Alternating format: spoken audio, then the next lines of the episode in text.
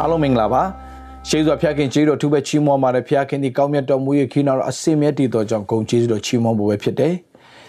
ဖျားခင်ထံတော်မှာလာတဲ့ညီသက်ချင်းဝမ်းမြောက်ခြင်းကြမ်းမှခြင်းအောင်မြင်ခြင်းတို့ဒီတင်းနဲ့တင်းမိသားစုပေါ်တက်ရောက်ပါစေလို့သခင်ယေရှုနာမတော်မြတ်နဲ့ကောင်းကြီးမင်္ဂလာတင်တို့ပေါ်မှာကြီးညာပါတယ်ညီကိုမောင်မတို့ဒီနေ့ကျွန်တော်တတ်တာထဲမှာအာနားလည်ရမယ့်အချက်လူငယ်တွေတော်တော်များပြောင်းလဲလာပြီးဆရာကြီး ပြောင်းလဲပြီလေပြောသေးတယ်ဆရာကျွန်တော်တက်တာကဘာဖြစ်လို့ဓာရီဓာရီပြန်ပြန်လုံလာလဲဆရာတချို့လည်းသူတို့ပြောင်းလဲပြီလို့ပြောတယ်သူတို့တက်တာကိုကြည့်တဲ့အခါမှာနားမလည်နိုင်ဘူးဆရာရဲ့ဆိုတာလေးနဲ့ပတ်သက်ပြီးတော့မှသူတို့ရဲ့မေးလာတဲ့မေးခွန်းလေးတွေအပေါ်မှာပြန်ပြီးတော့ဆင်ကျင်ပြီးတော့မှသူတို့အတွက်လည်းဖြစ်မယ်ကြည့်ရှုတဲ့သူတွေအားလုံးအတွက်လည်းဖြစ်အောင်ဒီနေ့ကျွန်တော်ပြောပြချင်တယ်ယောမဩရစာခန်းကြီး7နှစ်အငယ်နှစ်ကနေကျွန်တော်ဖတ်ချင်တယ် သင်တို့ဒီလောကီပုံတံကိုမဆောင်ကြနဲ့ကောင်းမြတ်သောအရာနှစ်သက်ဖွယ်သောအရာစုံလင်သောအရာဒီဟုသောဘုရားသခင်အလိုတော်ရှိသောအရာသည်အဘေရာဖြစ်သည်ကိုသင်နိုင်မိအကြောင်းစိတ်နှလုံးကိုအသစ်ပြင်ဆင်၍ပုံတံပြောင်းလဲခြင်းသို့ရောက်ကြလော့စိတ်နှလုံးကိုအသစ်ပြင်ဆင်၍ပုံတံပြောင်းလဲခြင်းသို့ရောက်ကြလော့ဆိုတော့ညီကိုမောင်မတို့ ဒီနေ့ကျွန်တော်တက်တာမှာစင်ကြင်ရမယ့်အရာကဘာလဲဆိုတော့ကျွန်တော်နားလည်ရမယ့်အရာကလူမှာ၃ပိုင်းရှိတယ်ခန္ဓာစိတ်ဝိညာဉ်ဆိုတော့ယေရှုခရစ်တော်ကသူပြန်ကြွလာတဲ့ချိန်မှာတဲ့ခန္ဓာကိုစိတ်ကိုဝိညာဉ်ကိုသုံးပိုင်းလုံးကတဲ့အပြစ်တင်ခြင်းနဲ့ကင်းလွတ်တဲ့အတ္တတာဖြစ်ဖို့ ဘုရားသခင်အလိုတော်ရှိတယ်ဆိုတော့ဒီမှာတစ်ချက်လေးကျွန်တော်ကြည့်စေချင်တယ်ညီကောင်မောင်မတို့နော်အာတစ်သက်တစ်သက်မှာနော်တစ်သက်အခန်းကြီး9တစ်သက်အခန်းကြီး9အငယ်23လောက်မှာငြိမ်သက်ခြင်းရဲ့အရှင်ဘုရားသခင်ကိုတော်တိုင်လည်းသင်တို့ကိုအကုန်စင်တန်ရှင်းစေတော်မူပါစေသောငါတို့သခင်ယေရှုခရစ်ကြွလာတော်မူသောအခါသင်တို့၏ကိုယ်ခန္ဓာစိတ်ဝိညာဉ် အပေါင်းကိုအပြစ်တင်ခွင့်နှင့်ကင်းလွတ်စေခြင်းကစောင့်မတော်မူပါစေသောမကြည့်ရအောင်ငါတို့သခင်ယေရှုခရစ်တော်ငါတို့သခင်ယေရှုခရစ်ကြွလာတော်မူသောအခါသင်တို့၏ကိုယ်ခန္ဓာစိတ်ဝိညာဉ်အပေါင်းကိုအပြစ်တင်ခွင့်နှင့်ကင်းလွတ်စေခြင်းကစောင့်မတော်မူပါစေသောဆိုတော့ဒီမှာကြည့်ယေရှုခရစ်တော်ပြန်ကြွလာတဲ့ခါမှာတဲ့ကျွန်တော်တို့ခန္ဓာစိတ်ဝိညာဉ်ဟာလာ အပေါင်းတို့ကိုတဲ့အပြစ်တင်ခွင့်နဲ့ကင်းလွတ်စေခြင်းကအပြစ်တင်ခွင့်နဲ့ကင်းလွတ်စေခြင်းကဘုရားခင်အလိုတော်ရှိတယ်ညီကောင်မောင်မတော်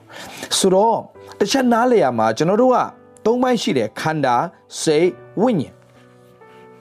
ယေရှုခရစ်တော်မိမိကယ်တင်ပိုင်ရှင်ဖြစ်ယုံကြည်လက်ခံလိုက်တာနဲ့မှတ်ထားညီကောင်မောင်မတော်နှုတ်ကပတ်တော်ထဲမှာပြောတဲ့အတိုင်းကျွန်တော်တို့ဟာဖျားသခင်ရှေ့မှာယေရှုခရစ်တော်အပြင် ဖြောက်မှတ်တော်သူဖြစ်သွားပြီကျွန်တော်တို့လို့ပြောတယ်ကောင်ဘာကိုပြောရလဲဝိညာဉ်ကိုပြောတာကျွန်တော်တို့ကဝိညာဉ်ဖြစ်တယ် we are spirit we live in this body we are not body we are spirit ကျွန်တော်တို့ဟာဝိညာဉ်ဖြစ်တယ်ကျွန်တော်ဒီခန္ဓာကိုယ်ထဲမှာကျွန်တော်တို့ရဲ့ဝိညာဉ်ကနေထိုင်တာဖြစ်တယ်ကျွန်တော်တို့ကခန္ဓာမဟုတ်ဘူးကျွန်တော်တို့ကဝိညာဉ်ဖြစ်တယ်ဝိညာဉ်ကကျွန်တော်တို့ရဲ့ဝိညာဉ်က sorry ခန္ဓာကဝိညာဉ်နေထိုင်ရာအိမ်ဖြစ်တယ်ဒါကျမ်းစာထဲမှာယာယီတဲပြက်လင်းလို့ပြောတဲ့ခါမှာဒီအပြင်ကစောက်ထားတဲ့အိမ်ကိုပြောတာမဟုတ်ဒီအိမ်ကြီးကိုပြောတာဒီမြေကြီးနဲ့စောက်ထားတဲ့အိမ်ကဟလာဟလာရိုက်တဲ့အိမ်ကပျက်စီးသွားလိမ့်မယ်သို့တော့ဘုရားသခင်ပြင်ဆင်ထားတဲ့အရာရှိတယ်ဆိုတာကိုကျွန်တော်နားလဲတယ်ညီကိုမောင်မတို့ကျွန်တော်ဗာပြောချင်လဲယေ ရှုခရစ်တော်မိမိကယ်တင်ပိုင်ရှင်ဖြစ်ယုံကြည်လက်ခံလိုက်တာနဲ့သင်ကလုံးဝ perfect ဘုရားခင်ရှေ့မှာသင်ရဲ့ဝိညာဉ်ကအပြစ်တင်ခြင်းနဲ့လုံးဝကင်း there's no condemnation ဆိုအဲ့ဒါကိုပြောတာအပြစ်တင်စရာအကြောင်းဘာမှမရှိတော့ဘူးဝိညာဉ်ကဘုရားခင်ရှေ့မှာလုံးဝဖြောင်းမတ်တော်သူဖြစ်သွားပြီကျွန်တော်တို့ရဲ့ဝိညာဉ်ကျွန်တော်တို့ရဲ့ဝိညာဉ်ကျွန်တော်ဝိညာဉ်ကတန်ရှင်းတော်သူဖြောင်းမတ်တော်သူတန်ရှင်းတော်သူဖြောင်းမတ်တော်သူတန်ရှင်းတော်သူဖြောင်းမတ်တော်သူဖြစ်ရတဲ့အခွင့်ကိုဘုရားကပြင်ဆင်ပေးလိုက်တယ်ဘုသူအဖြစ်လေယေရှုခရစ်တော်အဖြစ်အသက်ရှင်တဲ့ဝိညာဉ်ဖြစ်ရတဲ့ခွင့်ဘုရားပြင်ဆင်ပေးတယ်။အော်ပြီးတော့မှသာဝရတက်ကိုရတဲ့ခွင့်ဘုရားပြင်ဆင်ပေးလိုက်ပြီ။ done ဒို့ပေတော်ညာလဲညီကိုမောင်မတော်ယေရှုခရစ်တော်ယုံကြည်လက်ခံလိုက်တဲ့အခါမှာဝိညာဉ်က perfect ဖြစ်ပေမဲ့ခန္ဓာနဲ့စိတ်ကမဖြစ်သေးဘူးညီကိုမောင်တို့တနည်းအားဖြင့်ပြောရင်တင်းရဲ့ဝိညာဉ်ကလွတ်မြောက်သွားပြီတင်းရဲ့ဝိညာဉ်ကစီရင်ခြင်းလုံးဝမခံတော့တင်းရဲ့ဟာလေလုယာတင်းရဲ့ဝိညာဉ်ကဟာလာဒီလောကထဲကနေအခုထွက်သွားတင်းရဲ့ဝိညာဉ်ကယေရှုခရစ်တော်နဲ့အတူကျွန်တော်တို့ကဖျားခင်ကနေရာပေးထားပြီးသားညီကိုမောင်မတို့ဆိုတော့ တင်းဒီတင်းရဲ့ဝိညာဉ်ဒီယေရှုခရစ်တော်ယုံကြည်လက်ခံလိုက်တဲ့နေ့ရက်နေစပြီးတော့မှတင်းရဲ့ဝိညာဉ်ဟာလုံးဝ perfect ဖြစ်သွားပြီတန်ရှင်းတယ်ဖြောင်းမတ်တယ်စင်ကြယ်တယ်အပြစ်လုံးဝမရှိဘူးဒို့ပေတော်ညာလဲပဲခန္ဓာနဲ့စိတ်ကမပြောင်းလဲသေးဘူးညီကောင်မောင်မတို့ဝိညာဉ်ပဲပြောင်းလဲတာ ခန္ဓာနဲ့စိတ်ကမပြောင်းလဲသေးဘူးအမေတချို့လူကပြောတယ်အာမဟုတ်ပါဘူးယေရှုယုံကြည်လက်ခံတဲ့ခန္ဓာစိတ်ဝိညာဉ်သုံးပိုင်းလုံးကလုံးဝအာပြောင်းလဲသွားတယ်လို့ပြောတယ်။နှုံးညီကိုမောင်မတော့ယေရှုခရစ်တော်ယုံကြည်လက်ခံလိုက်တာနဲ့သင်ပြောင်းလဲတာကဝိညာဉ်ပြောင်းလဲတယ်။သို့တော့သင်ဟာစိတ်ဆိုးနေတတ်တုံးပဲ။ Okay သင်ဟာလောကကိုတတ်မှတ်နေတုံးပဲ။သင်ဟာ အာမာနကြီးတတ်နေတုံးပဲ။သင်မှာပြောင်းလဲမှုတွေဆိုတာချက်ချင်းမဖြစ်လာဘူး။ ဆိုတော့ညီကိုမောင်မတို့ကျွန်တော်နားလည်စေချင်တာကဝိညာဉ်ကလုံးဝလွတ်မြောက်သွားပြီဖြစ်တော်ညာလဲခန္ဓာနဲ့စိတ်ကမလွတ်မြောက်သေးဘူးလောကအရာနှစ်ပေါင်းများစွာလောကထဲမှာကျင်လည်ခဲ့တဲ့အတွက်ကြောင့်လောကရဲ့အတွေးခေါ်လောကအရာတွေကကျွန်ုပ်တက်တောင်လွှမ်းမိုးနေတုံးပဲဒါကြောင့်ကျွန်ုပ်တစ်ခါလေးမှနားမလဲတာလူတစ်ယောက်ပြောင်းလဲပြီလဲပြောတယ်သူ့ရဲ့တက်တောင်ကြည့်ဒီပုံစံဒီပုံစံပဲ no သူယေရှုကိုယုံကြည်လက်ခံလိုက်တဲ့ရှင်အစားဖျားခင်ရှေ့မှာသူကလုံးဝ သူကဖျားခင်ရှေ့မှာသူကလုံးဝ perfect ဖြစ်ပြီသို့တော်ညာလဲလူတွေရှေ့မှာသူက perfect မဖြစ်သေးဘူးဒါပေမဲ့ဘာဘာဖြစ်လို့ဖြစ်သေးလဲသူ့ရဲ့ဝိညာဉ်က born again ဖြစ်တော်ညာလဲသူ့ရဲ့ခန္ဓာနဲ့စိတ်က born again မဖြစ်သေးဘူးဆိုတော့ဝိညာဉ်ရဲ့ဝိညာဉ်လွတ်မြောက်တယ်လို့ခန္ဓာပါလွတ်မြောက်ခြင်းရဖို့ရန်အတွက်ကညီကောင်မောင်အရေးကြီးစွာစိတ်ပဲညီကောင်မောင်မှာတော့ဒါကြောင့်အခုဒီမှာပြောတာယောမဩရစာခန်းကြီး7မှာ အငယ်နှစ်မှာဖတ်တဲ့အခါမှာဘာဘာတွေ့ရလဲအင်္ဂလိပ်လိုကျွန်တော်ချက်ဖတ်ပြချင်တယ်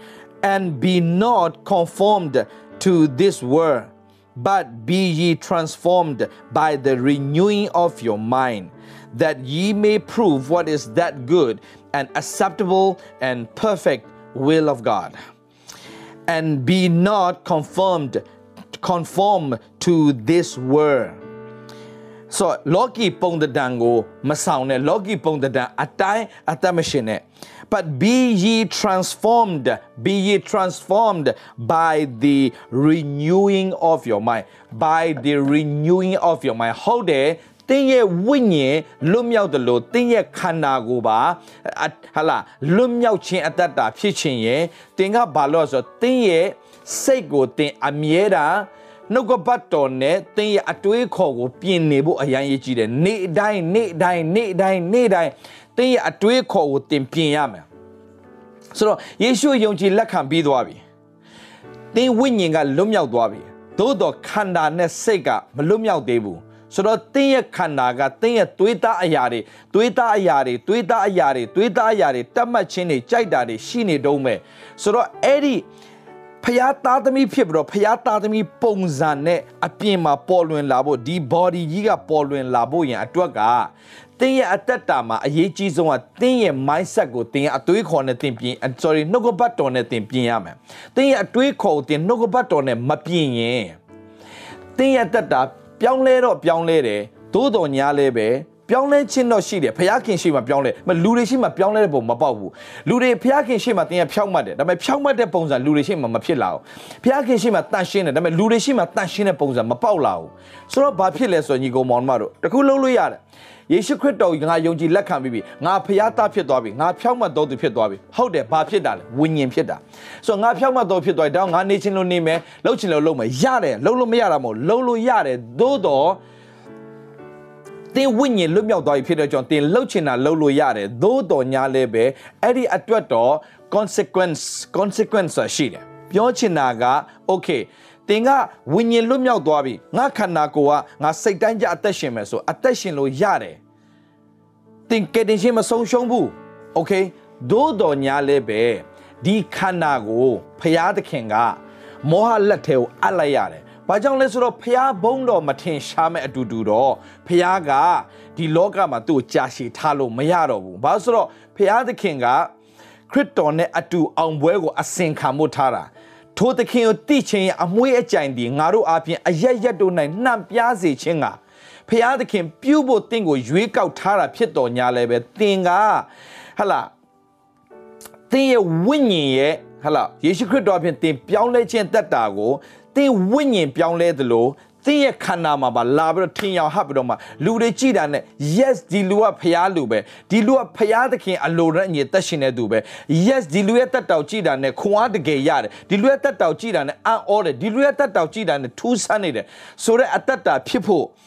ဖျားသခင်အလိုတော်ရှိတယ်လူများကို influence ဟာလားသူများလူလူများတွေကိုပြန်လွှမ်းမိုးနိုင်တဲ့အတ္တဖြစ်တဲ့အထိပုံသက်တွေဖြစ်တဲ့အထိသူများကကြည့်ပြီးတော့အားကိုးရလောက်တဲ့အတ္တဖြစ်တဲ့အထိဖျားသခင်ကျွန်တော်ဖြစ်စေချင်တာဆိုတော့ညီကောင်မောင်မတို့ဖျားသားသမီးဖြစ်ခွင့်ရတာယေရှုခရစ်တော်ကြောင့်ကျွန်တော်ဖျားသားသမီးဖြစ်ခွင့်ရတယ်ယေရှုခရစ်တော်ဒီကျွန်တော်ကျမတို့အပြစ်ကြွေးအားလုံးကိုဆက်ပေးပြီးတော့မှကျွန်တော်တို့အပြစ်ကြွေးအားလုံးအကုန်လုံးဟာလားအကုန်ရှင်းထုတ်ပြစ်ပြီးတော့မှ လဝကတိုင်မှာကျွန်တော်တို့အသေးခံတယ်။သုံးရက်မြောက်တဲ့နေ့မှာရှင်ပြန်ထမြောက်သွားတယ်။ယေရှုခရစ်တော်ယုံကြည်လက်ခံလိုက်တာနဲ့ကျွန်တော်တို့ကလုံးဝကျွန်တော်တို့လို့ပြောတဲ့ခါမှာဝိညာဉ်ကိုပြောနေတာလွတ်မြောက်ပြီဖြစ်တော်ညာလဲခန္ဓာနဲ့စိတ်ကမလွတ်မြောက်သေးဘူး။ဆိုတော့ဖခင်ကတင်းရဲ့ဝိညာဉ်လွတ်မြောက်တယ်လို့ခန္ဓာနဲ့စိတ်ပါလွတ်မြောက်စေခြင်းတယ်။ခန္ဓာနဲ့စိတ်ပါလွတ်မြောက်စေခြင်းတယ်။ဆိုတော့အဲ့ဒီခန္ဓာနဲ့စိတ်လွတ်မြောက်ဖို့အရေးကြီးဆုံးကတင်နေ့တိုင်းမှာ be ye transformed by the renewing of your mind ဆိုတာအဲ့ဒါ be ye transformed by the renewing of your mind ဆိုတော့သင်ရဲ့ဝိညာဉ်ဖြစ်တယ်လို့သင်ရဲ့ခန္ဓာမှာဖြစ်နေဖို့ရန်အတွက်ကသင်ရဲ့စိတ်ကအရေးကြီးဆုံးပဲသင်ရဲ့ဝိညာဉ်ဖြစ်တဲ့တိုင်းသင်ရဲ့ခန္ဓာမှာဖြစ်ဖို့သင်ဝိညာဉ်လွတ်မြောက်တယ်လို့ခန္ဓာလွတ်မြောက်ဖို့ဝိညာဉ်ကဖျားကိုဆွဲလန်းတယ်လို့ သင်ရဲ့ခန္ဓာလည်းဖျားကိုဆွဲလန်းတဲ့အတ္တဖြစ်ဖို့ဆိုတော့အဲ့လိုဖြစ်ဖို့အတွက်ကဂျားထဲမှာဘာအရေးကြီးဆုံးလဲဆိုတော့သင်ရဲ့အတွေးခေါ်သင်ရဲ့ mindset ဆိုတော့သင်ရဲ့ mindset ကိုအမြဲတမ်းဘာနဲ့ပြင်ရလဲနှုတ်ကပတ်တော်နဲ့နေ့တိုင်းပြင်ရတယ် no no သူတို့ပြောသလိုငါရဲ့တက်တာမဟုတ်ဘူးငါကဖျားခင်သားဖြစ်တယ်နှုတ်ကပတ်တော်ပြောတဲ့ဝန်ခံတယ်သူများနေဘာမှသုံးမကြဘူး no ငါဟာဖျားသခင်ရှေ့မှာ ဖြောင့်မတ်တော်သူဖျားသခင်အပြည့်ခတ်သိမ်းတော်မူလို့တတ်နိုင်တဲ့သူတနေ့မှသူများကြည့်ပြီးတော့အားကြတဲ့တက်တာဖြစ်လိမ့်မယ်ငါဖျားသားသမီးဂျေဇုတော်ကိုခံရတော်သူဖြစ်တယ်ဂျေဇုတော်ဘာမှာထပ်ဆင်ပြီးတော့ဂျေဇုတော်ခံစားမဲ့သူတယောက်ဖြစ်တယ်ငါစိတ်တမကြောက်ငါအားမငယ်ဘူးသူတို့ကြိုက်တာပြောငါ့ကိုကြိုက်တယ်လို့ဝေဖန်ကြိုက်လို့ဆုံးဖြတ်ကြိုက်တယ်လို့လှုပ်ပါစေအထင်သေးပါစေအဲ့ဒီသူတွေရှေ့မှာငါ့ကိုဖျားခင်တနေ့ချီးမြှောက်မယ်ဆိုငါယုံတယ်နေ့တိုင်းတင်ရစိတ်တက်ကြစရာအကြောင်းစာရန်လာထည့်ပေးတော့ညာလဲအမြဲတမ်းစာရန်ဘာလာထည့်ပေးလဲနင့်ကိုနင်နင်ကြည့်သူများတွေနင့်ကိုပြောနေပြီအိုးသူများတွေဒီလိုဝေဖန်တယ်သူများတကယ်ရှုံချတယ်အဲ့ခါမှာကိုဟုတ်ဟုတ်လဲဟုတ်တာပဲလေငါသုံးမမကြတာအိုးငါငါအဲ့လိုဖြစ်သွားတယ်ဆိုတာငါကလုံးမမလုပ်တတ်တာကိုငါတို့အခွင့်အရေးမမရခဲ့တာကိုငါတို့ကပညာသင်ဖို့အခွင့်အရေးမမရခဲ့တာကိုငါတို့ကစင်ရဲတာကို no no နှုတ်ကပတ်တော်နဲ့ပြန်တိုက်ထုတ်ပြီးတော့ no no no no ငါအနှုတ်လက္ခဏာကိုငါလုံးဝခွင့်မပေးဘူး ယေရှုခရစ်တော်အပြင်ငါတို့သာအောင်မြင်သောသူတွေဖြစ်ပြီးသားဖြစ်တယ်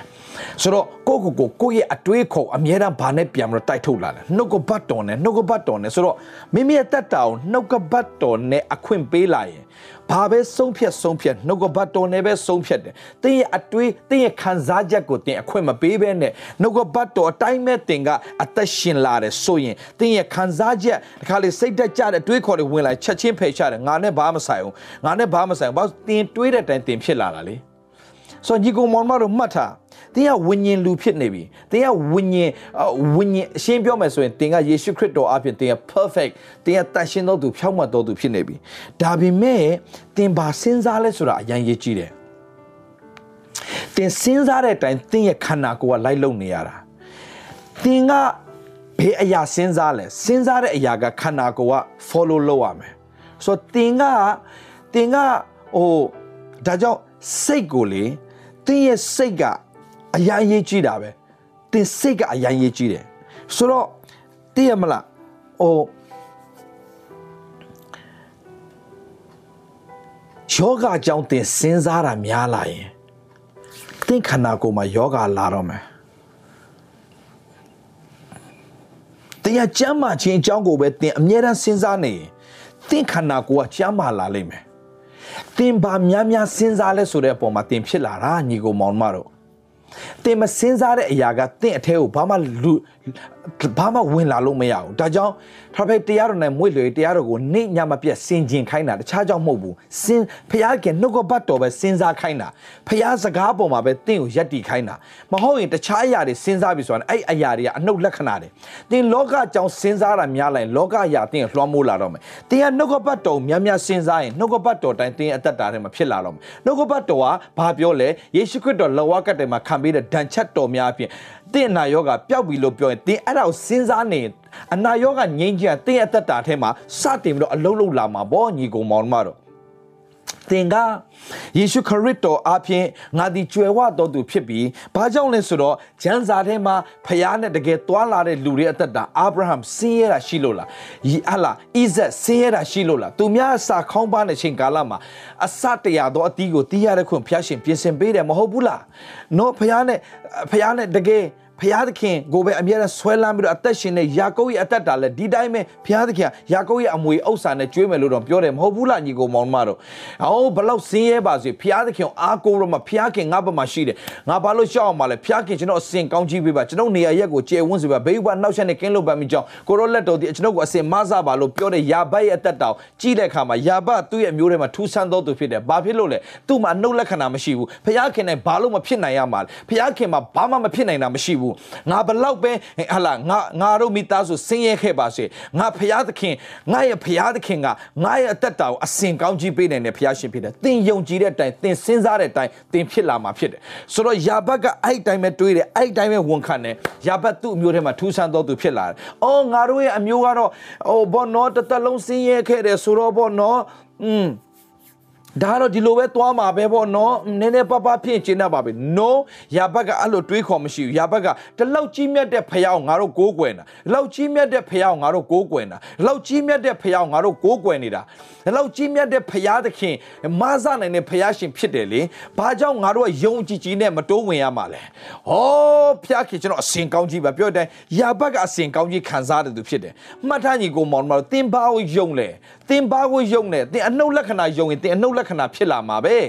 ယေရှုခရစ်တော်ကမြက်ကသူ့စီလာတဲ့အခါမှာမျက်စိကန်းတဲ့သူတယောက်သူ့စီလာပြီးတော့မှအိုးသူ့ကိုသူ့နောက်ကိုလိုက်လာပြီးတော့မှဟိုး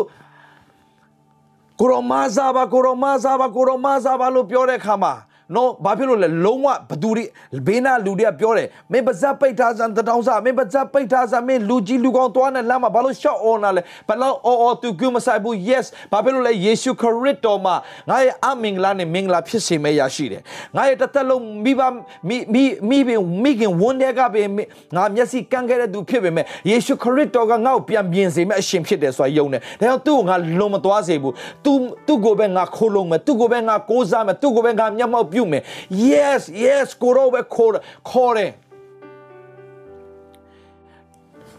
ဒါဝိရဲ့သားတော်ယေရှုကျွန်တော်ကဲပါဒါဝိရဲ့သားတော်ယေရှုကျွန်တော်ကဲပါယေရှုခရစ်တော်ရက်သွားပြီလာခဲ့မင်းဘာဖြစ်ခြင်းလဲကျွန်တော်မျက်စိမြင်ခြင်းပါတယ်ယေရှုခရစ်တော်ဘာပြောလဲမင်းယုံကြည်သည့်အတိုင်းမင်း၌ဖြစ်စေယုံကြည်သည့်အတိုင်းဖြစ်ရတဲ့ခွင့်ဘုရားရှင်ပြင်ဆင်ပေးလိုက်တယ်မဟုတ်ဘူးလားဆိုတော့ညီကိုမောင်မတို့အိုးစနေနေ့ပတ်လုံးတွေ့တူနာဆွဲတဲ့အမျိုးသမီးလည်းအဲ့တိုင်းပဲကိုတော့ဘဘွားကိုသွားပြီးတော့တာ ကိုတော့ဘွားသွားတို့တာမတို့ခင်မှာ तू ပြောသေးတယ်ငါသူ့ရဲ့ငါသူ့ဘဘွားကိုတို့တာနဲ့ငါလုံးဝပျောက်မယ်ဆိုတာ तू ယုံကြည်ထားပြီးသားငါသမီးဒါကြောင့်ယေရှုခရစ်တော်ကလေငါသမီးလို့တော်တာခေါ်တာသိရှားတယ်ဒါပေမဲ့ယုံကြည်ခြင်းနဲ့တိုးဝင်လာတဲ့သူတိုင်းငါသမီးသင်ယုံကြည်ခြင်းတည်းသင်အနာကိုငြိမ့်စေပြီဆိုတော့ဘာပြောချင်တာလဲကျွန်တော်တက်တာထဲမှာဘာလို့အနှုတ်လက္ခဏာတွေဖြစ်နေတာလဲကျွန်တော်တက်တာထဲမှာဘာလို့အနှုတ်လက္ခဏာတွေလုံးမိနေတာလဲသင်ရဲ့တက်တာမှာ တင်နှုတ်ကပတ်တော်ကိုမစင်စားလို့တင်ဟိုလူပြောတဲ့ကြောင်စဉ်းစားတယ်ဒီလူပြောတဲ့ကြောင်စဉ်းစားတယ်ဟိုလူပြောဖခင်ကဘာပြောလဲထပိတ်တရားတော်မှာမွေ့လျော်ပြီးတရားတော်ကိုနှင်းညမပြတ်စဉ်းစားပါဖခင်ဘာပြောလဲဆိုတာပဲစဉ်းစားဖခင်ခင်ဘာပြောလဲဆိုတာပဲစဉ်းစားဖခင်ဘာပြောလဲဆိုတာကိုပဲကျွန်တော်တို့စိတ်ဝင်စားဖခင်ခင်ဘာဂတိတွေပေးထားလဲအဲ့ဒါပဲစိတ်ဝင်စားအဲ့ဂတိတော်တွေကိုနေ့တိုင်းတွေးနေ အာဗြဟံတက်တာဖျားရှင်ဘာလို့အယံချီးမြှောက်လဲအာဗြဟံဂတိထားတော်မူသောသူသည်ဂတိတော်တိုင်းတတ်နိုင်တော်မူသည်ကိုစိတ်ဆွဲလန်းလေ၏တဲ့အာဗြဟံဆွဲလန်းနေတာဒါကြောင့်အာဗြဟံတို့တက်တာထူးခြားတယ်ဆိုတာတခြားလူတွေပြောတာတခြားຢာတွေပြောတာသူတို့စိတ်ဝင်စားဘူးဖခင်ဘာပြောလဲဆိုတာပဲသူတို့စိတ်ဝင်စားဆိုတော့ညီကိုမောင်မတို့သင်ကယေရှုခရစ်တော်ယုံကြည်လက်ခံပြီးတာနဲ့သင်က perfect ဖြစ်သွားပြီဒါမဲ့သင်က သင်ရဲ့ဝိညာဉ်က perfect ဖြစ်သွားတော့ညာလဲသင်ကတစ်ချိန်လုံးသင်ကတစ်ချိန်လုံးဟာလာဟိုအကြောင်းဒီအကြောင်းစဉ်းစားရင်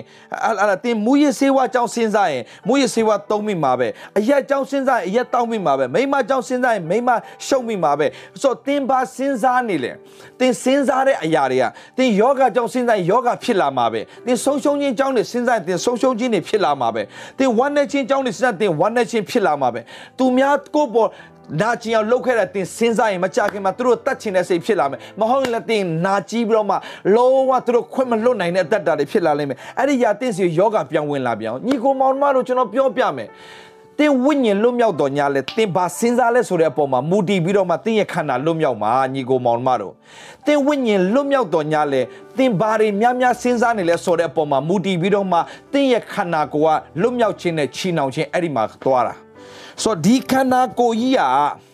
တင်စဉ်းစားတဲ့အတိုင်းပဲဖြစ်နေတာဆိုတော့ဝိညာဉ်လွတ်မြောက်တယ်လို့ခန္ဓာလည်းလွတ်မြောက်ပြီးတော့ခန္ဓာနဲ့ဝိညာဉ်တသားနဲ့ကြသွားပြီဆိုတင်ပြောတဲ့စကားအားလုံးဟာဖြစ်ရတဲ့ခွင့်ကိုဖျားရှင်ပြင်ဆင်ပေးတယ်ညီကောင်မောင်မတော်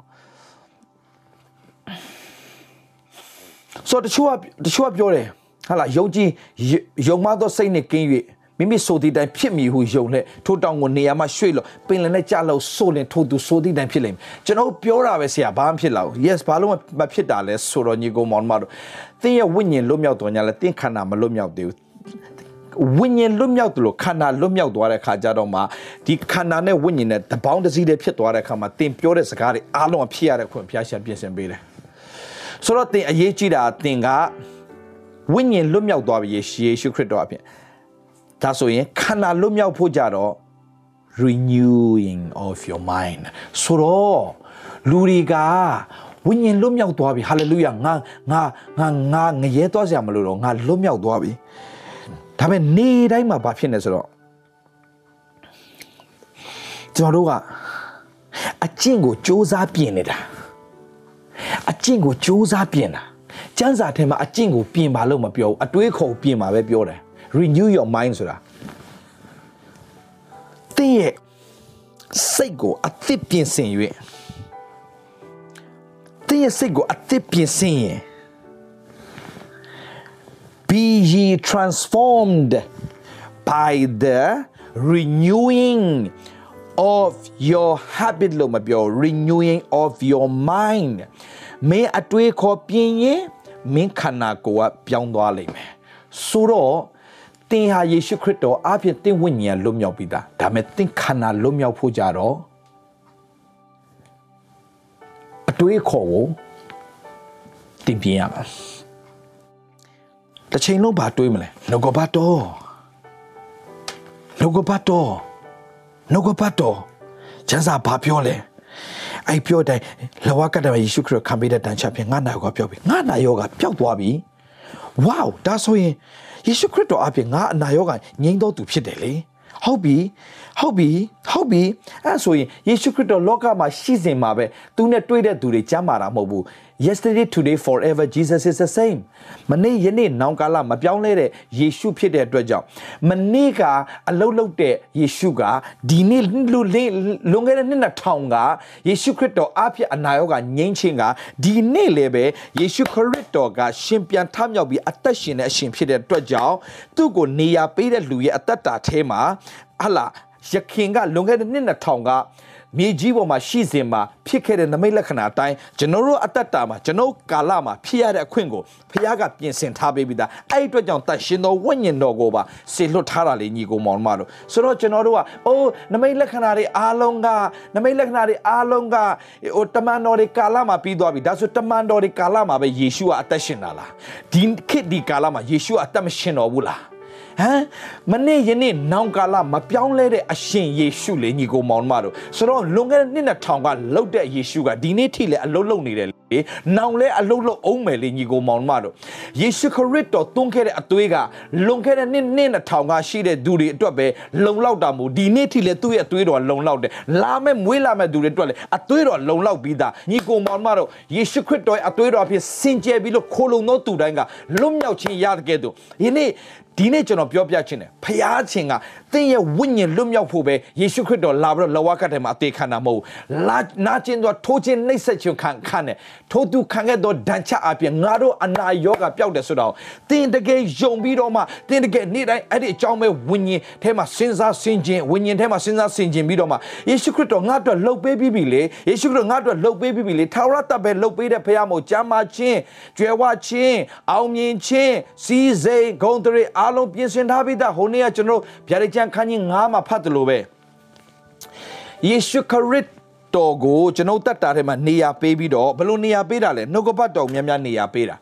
နှုတ်ကပတ်တော်ကိုယ့်ရဲ့ခံစားချက်ကိုနေရာမပေးဘဲနဲ့နှုတ်ကပတ်တော်များများပေးပြီးတော့နှုတ်ကပတ်တော်ထဲဂတိတော်တွေကိုဆွဲလမ်းပြီးတော့အသက်ရှင်လာရင်သင်အထဲမှာသင်ကနှုတ်ကပတ်တော်များများနေရာပေးလိုက်တန်ရှင်သောဝိညာဉ်တော်ကပြေဝလာတယ်မှတ်ထားညီကိုမောင်မတို့ယေရှုယုံကြည်လက်ခံတဲ့အခါမှာတန်ရှင်သောဝိညာဉ်တော်ကသင်အထဲမှာလာပြီးတော့နေရာယူတယ် တင်းထဲမှာဆရံအဖြစ်လာရောက်နေရယူတယ်ဒစိတ်ခပ်လိုက်တယ်ဒါငါနဲ့ပိုင်ငါနဲ့ဆိုင်တယ်ဆိုတော့ဖခင်ဒစိတ်ခပ်လိုက်သို့တော်ညာလဲပဲတန်ရှင်သောဝိညာဉ်တော်ကိုရရှိတာနဲ့တန်ရှင်သောဝိညာဉ်တော်နဲ့ပြည့်တာမတူဘူးညီကိုမောင်မတော်တန်ရှင်သောဝိညာဉ်တော်ပြည့်ဝခြင်းတတ်တာဆိုတာသင်ကယုံကြည်သူဖြစ်တယ်နှုတ်ကပတ်တော်တိုင်းအတင်အသက်မရှင်ဘူးဆိုတန်ရှင်သောဝိညာဉ်တော်နဲ့သင်ဘယ်တော့မှမပြည့်ဝနိုင်ဘူး ဒါပေမဲ့သင်ကယေရှုခရစ်တော်ယုံကြည်လက်ခံပြီးထာဝရတက်ကိုရတော့သူဟာနှုတ်ကပတ်တော်ကိုပဲနေရာများများပေးပြီးခံစားချက်ကိုနေရာမပေးရင်တန်ရှင်သောဝိညာဉ်တော်နဲ့ပြည့်ရတဲ့အခွင့်ကိုဖခင်ပြင်ဆင်ပေးတယ်။တန်ရှင်သောဝိညာဉ်တော်နဲ့ပြည့်လိုက်ဘာဖြစ်လဲတဲ့။တန်ရှင်သောဝိညာဉ်တော်နဲ့ပြည့်တဲ့အတ္တဖြစ်လာရင်ဖခင်သခင်ဟာလားဝိညာဉ်တော်နဲ့ပြည့်တဲ့လူရဲ့အတ္တဘာရလဲ။နံပါတ်1တကိုးရတယ်။ ဒါကြောင့်ဖျားခင်နေငါတို့ကကြောက်တတ်သောစိတ်ကိုမပေးဘူးဘာပေးလဲတကိုးပါသောစိတ်ချစ်တတ်သောစိတ်ရှင်းလင်းသောစိတ်ကိုပေးတယ်လို့ပြောတယ်လေညီကိုမောင်မတို့ဆိုတော့တန်ရှင်းသောဝိညာဉ်တော်နဲ့ပြည့်လာဖို့ဘာလို့ ਆ လဲခံစားချက်ကိုခွင့်မပေးဘဲနဲ့နှုတ်ကပတ်တော်အတိုင်း နှုတ်ကပတ်တော်တိုင်းနှုတ်ကပတ်တော်တိုင်းဝန်ခံတဲ့သက်ရှင်ပူပန်စရာတွေဖြစ်လာပြီငါဘာလို့ပူရမှာလဲအဘယ်အမှုကိုများစိုးရင်မရှိပဲအရာရာ၌ကျေးဇူးတော်ချီးမွမ်းပြီးတော့ဆုတောင်းပတနာပြုလို့နှုတ်ကပတ်တော်ပြောတဲ့အတွက်ကြောင့်ငါလုပ်ရမယ့်ပိုင်းငါလုပ်မယ်အချိန်တိုင်းဂတိတော်ဂတိတော်ကိုဟလာလုံးဝဂတိတော်တိုင်းတည်တဲ့ဖခင်ကဂတိထားတော်မူသောသူသည်ဂတိတော်တိုင်း တက်နိုင်တဲ့ဖရားဖြစ်တယ်ဆိုတာငါယုံတယ်ငါဘက်ကနေလှုပ်ရမယ့်အရာကငါမပူဘူးဖရားခင်အကုန်လှုပ်ပေးနေတာဖြစ်တယ်လှုပ်ပေးခဲ့တာဖြစ်တယ်ကျွန်တော်ပြန်စဉ်းစားကြည့်အတိတ်မှာစဉ်းစားကြည့်ကျွန်တော်ပူခဲ့တာပဲဖတ်တင်တယ်မဟုတ်လားအချိန်တန်တော့ဘုရားသခင်လှုပ်သွားတာကြီးပဲမဟုတ်လားပူခဲ့တာပဲဖတ်တင်တာလေဆိုတော့ဘုရားသခင်လှုပ်သွားမယ်လို့ယုံတတ်ဖို့အရင်ရေးကြီးတယ်လေညီကိုမောင်မတို့ဆိုတော့ဘုရားခင်ဒီကိစ္စမှာလည်းအကောင်းဆုံးလှုပ်သွားမယ်သင်ယုံကြည်ပြီးတော့မှဟလာ ဂျေဇုတော်ချီးမွမ်းပြီးတော့မှတင်ဆူတောင်းပတနာပြုမယ်ဆိုရင်ဘုရားသခင်ကလူတွေကြံစည်မမိနိုင်တဲ့ငြိမ်သက်ခြင်းကိုတရှင်တော်ဝိညာဉ်တော်အပြင်တင့်ကိုမဆားတဲ့အသက်တာဖြစ်လာမယ်ဆိုတော့တင်းရဲ့သက်တာမှာကျန်တဲ့ခံစားချက်တွေအခွင့်မပေးဘဲနဲ့တင်နှုတ်ကပတ်တော်နှုတ်ကပတ်တော်တိုင်းမဲ့တင်တွေးမယ်နှုတ်ကပတ်တော်တိုင်းမဲ့တင်ပြောမယ်နှုတ်ကပတ်တော်တိုင်းမဲ့တင်လှုပ်ဆောင်လာမယ်ဆိုရင်တန်ရှင်တော်ဝိညာဉ်တော်ပြည့်လာတယ်တန်ရှင်တော်ဝိညာဉ်တော်ပြည့်လာတဲ့အတ္တတာလေဘာဖြစ်လာလဲညီကိုမောင်မတို့တင်ဒီခန္ဓာကိုယ်က အပြစ်သွေးဆောင်တို့လိုက်တဲ့ခန္ဓာကိုယ်မဟုတ်တော့ဘူးအပြစ်သွေးဆောင်တို့လိုက်တဲ့ခန္ဓာကိုယ်မဟုတ်တော့ဘူးအပြစ်ကိုနိုင်တဲ့ခန္ဓာကိုယ်ဖြစ်လာတယ်မာနကိုစီးတားနိုင်တဲ့ခန္ဓာကိုယ်ဖြစ်လာတယ်အသွေးတောက်စီးတားနိုင်တဲ့မာနကိုစီးတားနိုင်တဲ့လောကောက်စီးတားနိုင်တဲ့အတ္တဖြစ်လာတယ်ဘာလို့ဖြစ်လာလဲတရှင်တော်ဝိညာဉ်တော်ပြေးဝလာလို့တရှင်တော်ဝိညာဉ်တော်ပြေးဝလောင်ဘာလို့ ਆ လဲကိုယ့်ရဲ့ခံစားချက်အခွင့်မပေးဘဲနဲ့နှုတ်ကပတ်တော်များများအခွင့်ပေးရတယ် ဝိညာဉ်ကလွတ်မြောက်ပြီခန္ဓာလွတ်မြောက်ဖို့အတွက်ကနှုတ်ကပတ်တော်များများအခွင့်ပေးရတယ်နှုတ်ကပတ်တော်များများအခွင့်ပေးခံစားချက်အခွင့်မပေးဘဲနဲ့နှုတ်ကပတ်တော်များများအခွင့်ပေးလိုက်ဝိညာဉ်တော်နဲ့ပြည့်လာတယ်ဝိညာဉ်တော်နဲ့ပြည့်လိုက်ခန္ဓာကိုယ်ရဲ့သွေးသားအရာတွေအားလုံးနိုင်ရတဲ့ခွင့်ဘုရားရှင်ပြင်ဆင်ပေးလိုက်တယ်နိုင်ရတဲ့ခွင့်ပဲရတာမဟုတ်ဘူးဘာရလဲတန်ရှင်တော်ဝိညာဉ်တော်နဲ့ပြည့်ဝလာရင်တင်တကိုးပါလာတယ်တကိုးပါလာရင်တင်ပြောတဲ့စကားအတိုင်းဖြစ်လာတယ်တင်လက်တင်ဆုတောင်းအနာကငြိမ်းချင်းနေဖြစ်လာတယ်အော်တင်ဝန်ခံတဲ့အရာတွေအားလုံးတင်အတ္တတာထဲမှာဖြစ်လာတယ် မဖြစ်နိုင်တဲ့အရာကိုဖြစ်နိုင်တယ်လို့ကြွေးကြော်တယ်အဲကြွေးကြော်တဲ့ဖခင်လည်းလှုပ်လာတယ်ဘာလို့တကိုးပါသောစိတ်အပြည့်ရှိတယ်ချစ်တတ်တဲ့စိတ်ရှိတယ်ရှင်းလင်းသောစိတ်ရှိတယ်ဆိုတော့ညီကိုမောင်မတော်မှတ်ထားတေတန်ရှင်သောဝိညာဉ်တော်ပြေဝလာရင်တင်းရဲ့ခန္ဓာကိုယ်ကသွေးသားအရာတွေအလုံးနိုင်ရတဲ့အခွင့်ကိုဖျားပြင်ဆင်ပေးလိုက်တယ်ဆိုတော့အပြစ်ပြုတ်တဲ့ခန္ဓာကိုယ်မဟုတ်တော့အပြစ်ကိုနိုင်တဲ့ခန္ဓာကိုယ်ဖြစ်လာတယ်အာမင်ဝိညာဉ်ပဲလွတ်မြောက်တာမဟုတ်တော့ဘူးခန္ဓာပါလွတ်မြောက်သွားတယ်ဘာလို့လဲစိတ်စိတ်ကို အလိုမလိုက်ပဲနဲ့စိတ်ကိုနှုတ်ကပတ်တော်အလိုပဲလိုက်ခိုင်းတာဆိုတော့စိတ်ကိုနှုတ်ပတ်တော်အလိုပဲလိုက်ခိုင်းခန္ဓာကိုယ်ကအလိုလိုနေနေဝိညာဉ်တော်နဲ့ပြည့်လာတယ်ဝိညာဉ်တော်နဲ့ပြည့်လာတကိုးပါလာတယ်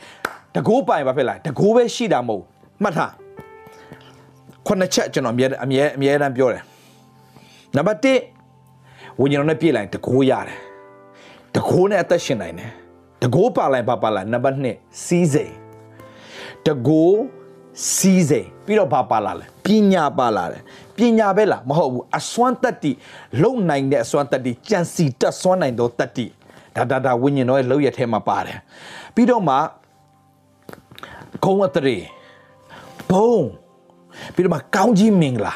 ကျမ်းစာမှာတေချာဖတ်ကြည့်ကြပြတဲ့ကျမ်းခန်းကြီး9မှာဒီခုနှစ်ချက်တွေ့ရတယ်ယေရှုခရစ်တော်အပြင်ကျွန်တော်ရတဲ့ခုနှစ်ချက်အဲ့ဒီခုနှစ်ချက်ကယေရှုမှာရှိတဲ့ခုနှစ်ချက်โอเค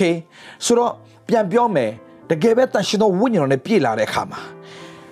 အထက်ကနေခရစ်တော်ရဲ့ဝိညာဉ်ကကျွန်တော်ထဲမှာအလုံးလုံးလို့ရလာတဲ့အခါမှာ wow ကျွန်တော်တတ်တာအဲ့ခုနှစ်ချက်ဖြစ်လာနံပါတ်1တကူတကူတင်လှုပ်တဲ့အရာမှာသူသူမြမြင်လာတယ်တကူတကူပါလိုက်ဘာဖြစ်လာလဲသူများမလုံနိုင်တဲ့အရာတွေတင်းအတ္တတာမှာလုံလာနိုင်တာပေါ့သူများမမဖြစ်နိုင်ဘူးဆိုတော့တင်းအတ္တတာမှာဖြစ်လေတယ်လေ အကြံထားမြောက်ပြီးတော့အောင်မြင်တယ်လေအဲ့တကိုးတကိုးရဲ့နောက်မှာပါပါလာလဲစီးစိမ်ပါတယ်တကိုးပြီးရင်စီးစိမ်နဲ့တေချာဖတ်ကြည့်ပြီးရင်ပါလာလဲစံစာတယ်ပညာပညာပြီးရင်ပါလာပညာပညာပြီးရင်တဆွမ်းနိုင်တဲ့အတ္တတာနော်တဆွမ်းနိုင်တဲ့အတ္တတာအရာရောက်တဆွမ်းနိုင်တယ်အတ္တတာဖြစ်လာတယ်နံပါတ်5အနေနဲ့နော်ဂုံအတရေနံပါတ်6ကဘုံ နံပါတ်9က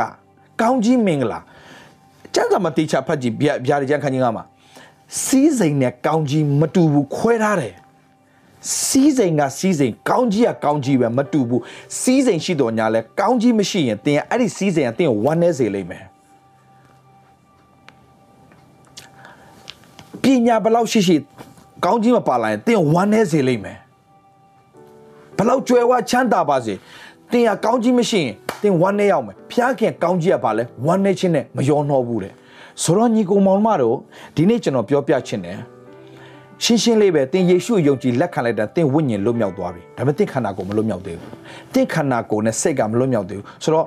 သင်ကနှုတ်ကပတ်တော်ကိုသင်မတွေးဘူးဆိုရင်သင်ရဲ့စိတ်ကဘာတွေးမယ်ထင်လို့လဲမကောင်းတာပဲတွေးလိမ့်မယ်မကောင်းတာတွေပဲတွေးလိမ့်မယ်မကောင်းတာတွေပဲတွေးလိမ့်မယ် မကောင်းတာတွေတွေးတဲ့အတိုင်းခမရ renew မလုပ်ဘူးဒီအတွေးခေါ်တင်နှုတ်ကပတ်တော်နဲ့တင်ကပြန်ပြီးတော့မှဟလာမလဲလေဘူးဒီအဟောင်းတွေအကုန်ထုတ်မယ်နှုတ်ကပတ်တော်တွေပြန်ထည့်မယ်အဲ့လိုမလုပ်ရင်တင့်ခန္ဓာကိုယ်ကဘယ်တော့မှအဖျားသားဖြစ်တော်ညာလဲအပြစ်သားဘဝကနေအပြစ်သားတဒံကနေတင်မလွတ်နိုင်ဘူး အဲ့ကမှသူများမေးလိမ့်ဆရာသူတို့တက်တာပြောင်းလဲပြီလေပြောတယ်သူတို့ရဲ့တက်တာဘာပုံမှမပေါက်ဘူး yes ဘာလို့ဖြစ်လဲသူဝိညာဉ်ယေရှုယုံတာနဲ့တကယ်လွတ်တယ်ယေရှုခရစ်တော်သစ္စာရှိတဲ့ဖခင်ယုံရင်လွတ်လာလွတ်တယ်သို့တော့ဘာမလွတ်သေးဘူးလေခန္ဓာမလွတ်ဘူးအဲ့ဒီခန္ဓာကနောက်ဆုံးမောဟလက်တဲ့အလာတဲ့ယုံကြည်သူတွေအများကြီးရှိတယ်ဘာကြောင့်လဲဆိုတော့သူတို့ဒီအရာကိုနားမလဲလို့ဒါကြောင့်လူအပေါင်းကဲတင်ချင်းတို့ရောက်ရွေ့နေမပြီးဘူးဘာဖြစ်လဲတမာတရားသိရမယ်တဲ့တမာတရားသိရမယ်တမာတရားတိုင်းဝန်ခံလိုက်ရှောက်မယ်တမာတရားတိုင်းအသက်ရှင်တဲ့ခါကြတော့မှာဘာဖြစ်လဲခန္ဓာကိုယ်ကဝိညာဉ်တော်နဲ့ပြည့်လာတယ်တမာတရားနဲ့အသက်မရှင်တဲ့သူကတမာတရားဆိုတဲ့အရာနဲ့တင်းရဲ့စိတ်ကိုမထိန်ထားဘူးဆိုရင်တင်းကတခြားဟာတွေတွေးနေပြီးတော့နှုတ်ကပတ်တော်မတွေးဘူးဆိုရင်တင်းခန္ဓာကိုယ်ကဘယ်တော့မှလောကညစ်ညူးခြင်းတဲ့ကနေဘယ်တော့မှတင်းယုံမထွက်နိုင်ဘူးတင်းတကယ်နိုင်ခြင်းလားအသွေးတာမာနလောကကိုအောင်မြင်ခြင်းလား တင်တွေးတာတွေအားလုံးကနှုတ်ကပတ်တော်ကိုစတွေးစမ်းမှာဂျန်တဲ့ຢာတွေချိန်မပေးနဲ့ဆိုတော့တင်ဘာတွေချိန်ပေးနေလဲအဲ့ဒီပေးထားတဲ့အရာတွေအားလုံးဒီထဲဝင်လာတယ်မကောင်းတဲ့ကားတွေကြည့်မယ်ဒီထဲဝင်လာတယ်ဝင်လာပြီးအဲ့ဒါတွေပြန်ပြန်တွေးမယ်တွေးတဲ့မိန်းမတိုင်းကိုတင်ရအဲ့ဒီမကောင်းတဲ့မိန်းမကောင်းတဲ့ကားထဲက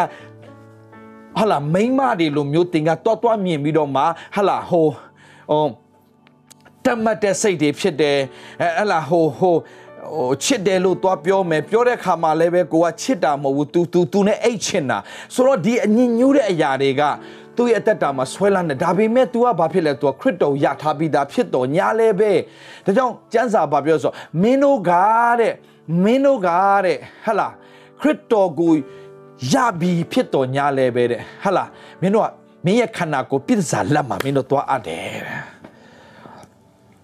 ဒါကြောင့် ညီကိုမောင်မတို့မလွတ်ပြောင်းနေတာဘာကြောင့်လဲတော့ချက်ကဒါပဲ renew your mind renew your mind ဆိုတဲ့စကားဗမာလို့ဆိုရင်ဟာဟလာဒီခေတ်ကတော့အင်္ဂလိပ်လိုနားလည်နေကြပါပြီဒါပေမဲ့ပိုနားလည်အောင်ပြောမယ်ဟိုစားဆိုပါစို့ဆိုပါစို့အာ renew your mind ကျွန်တော်တို့ passport ကျွန်တော်တို့နိုင်ငံကူးလက်မှတ် passport ကတက်တန်းကုန်သွားပြီဆိုရင်73လို့မရတော့ဘူး ဘာဘာသွားလောက်ရလဲဆိုတော့သွားပြီးတော့ပြန်အပ်ကြတယ်အဟောင်းပြန်အပ်တယ်အစ်စ်ပြန်ထုတ်တယ်အစ်စ်ပြန်ယူလာတယ်အဲ့ဒါ renew my passport renewing my passport ဆိုတော့သင်ကအဟောင်းကိုသင်ကလုံးဝ ဖျားလက်တဲ့အပ်ပြီးသွားရင်ဒီတိုင်းနေလို့မရဘူးအစ်စ်ကိုတင်ပြန်ထည့်ရတယ်အစ်စ်ကိုတင်ပြန်ထည့်ရတယ်အစ်စ်ကိုတင်ပြန်ထည့်ရကိုတော့ကျွန်တော်အတွေးခေါ်ဟောင်းနေကျွန်တော်အတွေးခေါ်မကောင်းတဲ့အတွေးခေါ်အားလုံးကိုတော့ဖယ်ရှားပေးပါတစ္ဆာရှိတဲ့ဖျားဖယ်ရှားပေးတယ်ဒါမဲ့တင်ကနှုတ်ကပတ်တော်တင်ပြန်မထည့်ရင်နှုတ်ကပတ်တော်တင်ပြန်မထည့်ရင်နှုတ်ကပတ်တော်တင်ပြန်မထည့်ရင်နှုတ်ကပတ်တော်တင်ပြန်မထည့်ရင်အရန်ကြောက်ရှာကောင်းတယ်ဘာဖြစ်လို့ဆိုတော့နတ်ဆိုးရတဲ့ အဲ့ဒါလူလူတယောက်စီကနေထွက်သွားတယ်တဲ့အဲ့ဒီအိမ်ကနေထွက်သွားတယ်တဲ့ဒါမဲ့လည်းပြန်လာကြည့်တဲ့အခါမှာရှင်းလင်းနေတယ်တဲ့ဘယ်သူမှမရှိအဲ့ခါမှာသူ့ထက်ဆိုးတဲ့ခုနှစ်ကောင်ခေါ်ပြီးတဲ့ခါလေးဝင်သွားတယ်အဲ့မှာပြီးရောဘာပြောချင်တာလဲညီကိုမောင်မတို့ယေရှုခရစ်တော်အားဖြင့်သင်ဟာတကယ်ပဲလွတ်မြောက်ခြင်းကိုရပြီယေရှုခရစ်တော်သင်လွတ်မြောက်သွားပြီဟာလာဟင်းလင်းဖြစ်သွားပြီလုံးဝရှင်းလင်းသွားပြီ သို့တော်ညာလည်းပဲတင်ကနှုတ်ကပတ်တော်ပြန်မထည့်ထားဘူးဆိုရင်အဲ့ဒီနေရာမှာဟာလာနှုတ်ကပတ်တော်မရှိထားဘူးဆိုရင်ဟိုကလာကြည့်တော့ဘာမှမရှိဘူးကွာရှင်းလင်းတာပဲဆိုဝင်သွားလိမ့်မယ်ဝင်တော့ရိုးတက်ဝင်တော့ခုနကောင်ဝင်လာလိမ့်မယ်ဒါကြောင့်တင်းရဲ့တက်တာယေရှုခရစ်တော်တင်းရဲ့တက်တာဆက်ကအနာပြီးယုံကြည်ပြီးတင်းရဲ့တက်တာဆက်ကပ်ပြီးနေ့နေ့တိုင်းအဲ့ဒီနေ့ကနေစတော့တင်ပါနဲ့သွားမလဲနှုတ်ကပတ်တော်နဲ့ပဲသွားမယ် နှုတ်ကပတ်တော်တိုင်းဝန်ခံမယ်နှုတ်ကပတ်တော်အချိန်ပေးရမယ်နှုတ်ကပတ်တော်အထဲမှာထည့်ရမယ်။ဟိုနှုတ်ကပတ်တော်တိုင်းငါရဲ့တက်တာမှာဖြစ်နေတယ်။နှုတ်ကပတ်တော်တိုင်းငါရဲ့တက်တာမှာဖြစ်နေ No no no no no ငါကြမ်းကြမ်းတဲ့အကြောင်းတွေမစင်စားဘူး။ငွေကြေးအကြောင်းတွေအိုးအကျွေးတွေအကြောင်းတွေဘာမှငါမစင်စားတော့ဘုရားခင်အချိန်တန်အကုန်လုတ်သွားမယ်ဆိုတာငါယုံတယ်။ဘုရားခင်တတ်နိုင်တဲ့ဘုရားရှင်ဖြစ်တယ်။ငါစင်စားမယ်အကျမ်းစာထဲမှာအကျွေးအကျွေးတွေလုံးဝကြေသွားတဲ့လူတွေရှိတယ်။ အကျွေးတွေဘလို့ခြေပေးလိုက်လဲအဲ့အကြောင်းငါဖတ်မယ်အဲ့အကြောင်းငါစင်ကျင်မယ်အော်ကျမ်းစာထဲမှာမကျမ်းမာတဲ့သူတွေအများကြီးရှိတယ်ဆိုတော့ငါမကျမ်းမာခြင်းနဲ့ပတ်သက်လို့ငါယောဂအကြောင်းမစင်စားဘူးအဲ့ဒီထဲမှာကျမ်းမာသွားတဲ့သူတွေအကြောင်းငါဖတ်ရင်းနဲ့ငါစင်ကျင်မယ်ဆိုတော့ဘာလို့အဲ့လိုဖြစ်တာစင်ကျင်စင်ကျင်နဲ့ဝိညာဉ်တော်ဖတ်ဆိုဖွင့်ပြလိုက်လို့တင်စကားလေးတစ်လုံးရလိုက်ရင် just one word can change your entire life သင်ဘဝကြီးတစ်ခုလုံးပြောင်းလဲသွားမှာဖြစ်တယ်။ဒါကြောင့်ညီကိုမောင်မတို့သင်ဝိညာဉ်လွတ်ပြီ။နှုတ်ကပတ်တော်နဲ့မသွားရင်သင်ခန္ဓာကိုယ်ကမလွတ်ဘူး။မလွတ်တော့ပြောင်းလဲပြီလဲပြောတယ်။ဘာဖြစ်လို့ဒီလိုဖြစ်နေလဲဒီလိုဖြစ်နေလဲဒီလိုဖြစ်နေဆိုတာကျွန်တော်ပြောမယ်အမှုတော်ဆောင်တွေပင်လေအမှုတော်ဆောင်တွေပင်လေဖျားရှင်ကောင်းမြတ်ခြင်းတွေပြောနေရသားနဲ့ သူတို့တက်တာမှာလဲကျသွားတဲ့အရာတွေအားလုံးကနှုတ်ကပတ်တော်ကိုအချိန်မပေးလို့နှုတ်ကပတ်တော်ကိုအချိန်ပေးရစင်ကျင်ခြင်းမရှိလို့နှုတ်ကပတ်တော်ကိုပဲမစင်စားပဲနဲ့နှုတ်ကပတ်တော်ဝဲမစင်စားပဲနဲ့ဟိုဟလာဟလာဟိုလူအကြောင်းစဉ်းစားဒီလူအကြောင်းစဉ်းစားဟိုလူအကြောင်းစဉ်းစားဒီလူအကြောင်းစဉ်းစားကြာလိုက်အဲ့ဒီဆရာကနှုတ်ကပတ်တော်မစဉ်းစားပဲနဲ့ဟိုအကြောင်းဒီအကြောင်းစဉ်းစားအဲ့အကြောင်းအရာတွေနဲ့ပဲသူပြန်လဲတော့မယ် ငွေကြေးကြောင့်သူစဉ်းစားတဲ့ငွေကြေးနဲ့ပဲသူလဲတော့မယ်သူမာနကိုထိခိုက်တဲ့ကြောင့်သူစဉ်းစားနေတဲ့ချိန်တန်သူမာနနဲ့သူပြန်လဲတော့မယ်ဘယ်ရတယ်သူစဉ်းစားနေလဲအမျိုးသမီးအကြောင်းသူစဉ်းစားတယ်နှုတ်ကပတ်တော်စဉ်းစားမယ်စားသူအမျိုးသမီးအကြောင်းစဉ်းစားတဲ့အချိန်တိုင်းအမျိုးသမီးနဲ့ပြန်လဲတော့မယ်ဆိုတော့တင်းရဲ့တတ်တာထဲမှာယေရှုခရစ်တော်ယုံကြည်လက်ခံပြီးပြီ perfect လုံးဝတင်းရဲ့ဝိညာဉ် perfect ဒါပေမဲ့တင်းရဲ့ခန္ဓာ လောကမှာတက်ရှင်စင်မှာဘာဖြစ်လို့လဲဆိုတော့တင်းလွတ်မြောက်သွားပြီဆိုတာ ਨੇ ဝိညာဉ်ကိုထိလို့မရတော့တဲ့မာနကတင်းရဲ့ခန္ဓာကိုတော့သူဖျက်ဆီးခြင်းသေးတယ်ဖျက်ဆီးခြင်းသေးတယ်အာကျွန်တော်မိတ်ဆွေလေးတယောက်လာဆရာတဲ့ကျွန်တော်တို့ကယေရှုခရစ်တော်မြတ်အကုန်လွတ်မြောက်ပြီးသားဆရာတဲ့အပြစ်ပြန်လုပ်လဲကျွန်တော်တို့ကအပြစ်ပြန်လုပ်လဲကျွန်တော်အပြစ်သားမဟုတ်တော့ဘူးတဲ့အပြစ်ပြန်လုပ်လို့အပြစ်သားမဟုတ်တော့ဘူးတဲ့မှန်ပါတယ်သူပြောတဲ့စကား ဘာဘာဖြစ်လို့လဲဆိုတော့တင်ကအအပြစ်လုပ်လို့အပြစ်သားဖြစ်လာတာမှမဟုတ်တာโอเคတင်အပြစ်လုပ်လို့အပြစ်သားဖြစ်တာမှမဟုတ်တာပါလာတဲ့အပြစ်ကြောင့်တင်ရအပြစ်သားဖြစ်လာလေအာရန်နဲ့အာရန်နဲ့အေဝါဆီယာပါလာတဲ့အပြစ်က ဒီနေ့ကျွန်တော်တို့အပြစ်သားဖြစ်စေတာကျွန်တော်တို့လှုပ်လို့မဟုတ်ဘူးဆိုတော့ယေရှုခရစ်တော်ကကျွန်တော်အပြစ်ကြွေးအားလုံးဆက်ပေးပြီဆိုတာသင်ယုံတာနဲ့တယောက်တော့သူအာဒံအပြင်အပြစ်သားတွေဖြစ်ခဲ့ရတယ်ဒါပေမဲ့တယောက်တော့သူယေရှုခရစ်တော်အပြင်ကျွန်တော်တို့ကလုံးဝလွတ်မြောက်တဲ့ခွင့်ဖျားရှင်ပြင်ဆင်ပေးတယ်ဘလောက်ကျေးဇူးတော်ကြီးမားလဲဆိုတော့လွတ်မြောက်သွားပြီဖြစ်တော်ညာလဲပဲလွတ်မြောက်ပြောနေတဲ့လွတ်မြောက်ခြင်းဆိုတာဝိညာဉ်လွတ်မြောက်တာလေယေရှုကိုယုံကြည်လက်ခံလိုက်တာနဲ့ဝိညာဉ်လွတ်မြောက်သွားပြီအဲ့တော့ तू နားမလဲပဲနဲ့ဘာဖြစ်လဲဆိုတော့ သူကနေပြီးတော့မှဆရာတဲ့ဒါဆိုထပ်ပြောမယ်ဆရာဟုတ်တယ်ကျွန်တော်အခုယေရှုယုံကြည်လက်ခံလိုက်ပြီယေရှုယုံကြည်လက်ခံကျွန်တော်အပြစ်သားဘဝနဲ့ဖျားသားဖျားတဲ့ခွင့်ရသွားပြီဆိုတော့ကျွန်တော်အပြစ်ပြန်လုံမယ်ဆရာအပြစ်ပြန်လုပ်မယ်ဆရာကျွန်တော်အပြစ်သားဖြစ်လားဆရာအပြစ်သားတော့မဖြစ်ဘူးလေလို့ဘာလို့မင်းကဖျားသားဖြစ်သွားပြီလေအာဒံအပြင်မင်းဘာမှမလုပ်ဘဲနဲ့မင်းကအပြစ်သားဖြစ်လာတာ โอเคမင်းဘာမှလှုပ်ရှားမလို့ပဲယေရှုအပြင်မင်းကဖျားသားဖြစ်သွားပြီဆိုတော့မင်းလှုပ်ချင်းနဲ့ဘာမှဆိုင်ဘူးအဲ့ဒါပြောတာလေးဆရာတဲ့ဆိုတော့အဓိကဘာပြောချင်လဲဆိုတော့ယေရှုလှုပ်ဆောင်ပေးတော့ကျွန်တော်သဘောပေါက်သွားပြီဒါကြောင့်ကျွန်တော်လှုပ်ချင်းနဲ့ဘာမှဆိုင်တော့ဘူးအဲ့ဒီထိကမှန်တော်ညာလဲပဲ तू ကဘလို့တွေးခေါ်ပလိုက်လဲတော့မသိဘူးအဲ့ဒီနေ့နဲ့စပြီးတော့ तू က तू နေချင်းလို့နေတယ် သူအိတ်ချင်တဲ့မိန်းမနဲ့အိတ်တယ်သူလှုပ်ချင်တာလှုပ်တယ်ကင်ဆာဖြစ်တယ်သူကင်ဆာဖြစ်တယ်သူကင်ဆာဖြစ်တယ်ကျွန်တော်ဝိုင်းဆူတောင်းပေးတယ်မရအောင်တေသွားတယ်ကျွန်တော်ဖျားခင်မေးတယ်ဖျားခင်ပါလဲသူ့ဝိညာဉ်လွတ်မြောက်သွားတာသူကောင်းကောင်းသိတယ် ဒါပေမဲ့သူခန္ဓာကိုယ်စာရန်ဖြတ်စည်းဖို့အခွင့်ရသွားတာသူမသိလိုက်ဘူးဝိညာဉ်လွတ်မြောက်ယေရှုခရစ်တော်အဖြစ်သင်ဖျားသားဖြစ်သွားပြီโอเคသင်ဖျားသားဖြစ်သွားပြီဒါပေမဲ့သင်ဖျားသားဝိညာဉ်ဝိညာဉ်ကဖျားသားဖြစ်သွားတာ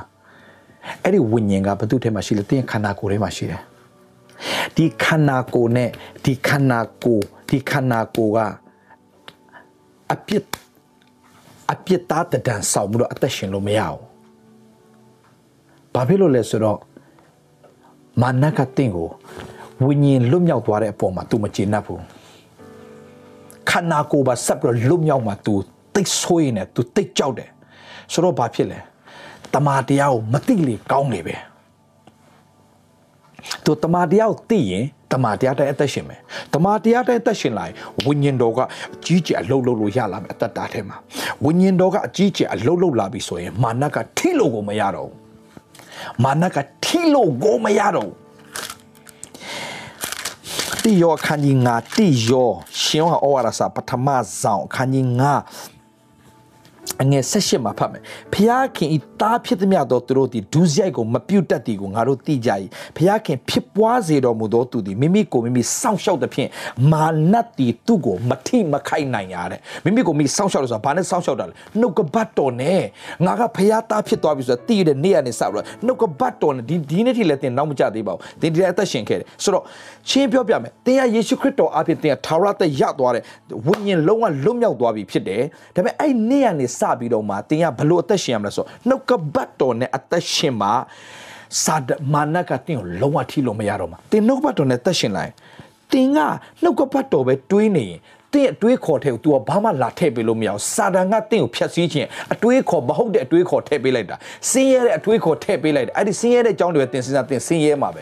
တင်ကြွယ်ဝခြင်းအကြောင်းကိုဖခင်ကစဉ်းစားခိုင်းတာအောင်မြင်ခြင်းအကြောင်းကိုတင်ကိုစဉ်းစားခိုင်းတာဘုံထင်ရှားဖို့အကြောင်းတွေစဉ်းစားခိုင်းတာအပြစ်အကြောင်းမစဉ်းစားခိုင်းဘူးတန်ရှင်းခြင်းအကြောင်းကိုပဲတင်စဉ်းစားခိုင်းတင်ကတန်ရှင်းတော်သူငါသားတန်ရှင်းတော်သူဖြစ်တယ်ငါသမီးတင်ကဖြောင့်မတ်တော်သူဖြစ်ပြီးငါသမီးဟာလေလုယာငါဒီဖြောင့်မတ်တော်သူတန်ရှင်းတော်သူဖြစ်တယ်ဟာလေလုယာတင်ဖြောင့်မတ်ခြင်းတန်ရှင်းခြင်းအကြောင်းပဲတင်စဉ်းစားနေဖြောင့်မတ်ခြင်းအကြောင်းပဲတန်ရှင်းအကြောင်းပဲတင်တွေးမယ်ဖြောင့်မတ်ခြင်းအကြောင်းပဲတန်ရှင်းအကြောင်းပဲတင်စင်ကျင်နေမယ်ဆိုရင်အပြစ်ကဘလို့လာလွှမ်းမိုးလို့ရမှာလဲဒါမဲ့တင်ကဖြောင့်မတ်တော်သူဖြစ်ပြီဆိုတာဖျားเจ้าမှာတော့ပြောတယ်အချိန်တန်တင်ပြန်စဉ်းစားနေတာကအပြစ်အကြောင်းနေချိန်တန်တင်ပြန်စဉ်းစားတဲ့ညညူးတဲ့အကြောင်းနေအဲ့ခါတာမကဘူးတင်ကနှုတ်ကပတ်တော်ချိန်မပေးဘဲနဲ့တင်အပြာကားတွေတွားပြီးတော့အချိန်ပေးမယ်ဆိုရင်မကောင်းတဲ့ကားတွေဟိုကားဒီကားတွေတွားချိန်ပေးမယ်ဆိုရင်ဟိုဟာတွေကြည့်ဒီဟာတွေကြည့်တော့ချိန်ဟိုဟာတွေကြားဒီဟာတွေကြားချိန်ယူမယ်ဆိုရင်တင်းရတတ်တာတဖြည်းနဲ့ဆိုစဉ်းစားကြည့် စိတ်ကြမ်းတဲ့ဟာတွေစိတ်စိတ်စိတ်ကြမ်းတမ်းတဲ့ဟာတွေတင်ကြည့်လာရင်အချိန်ကြားလိုက်တင်ဘလောက်ပဲဖျားတာလို့တင်တင်တင်ကိုတင်ပြောပြောဒေါသကြီးလာတယ်တင်မသိဘူးတင်ဒေါသလည်းကြီးလာတယ်ဟာဟလာ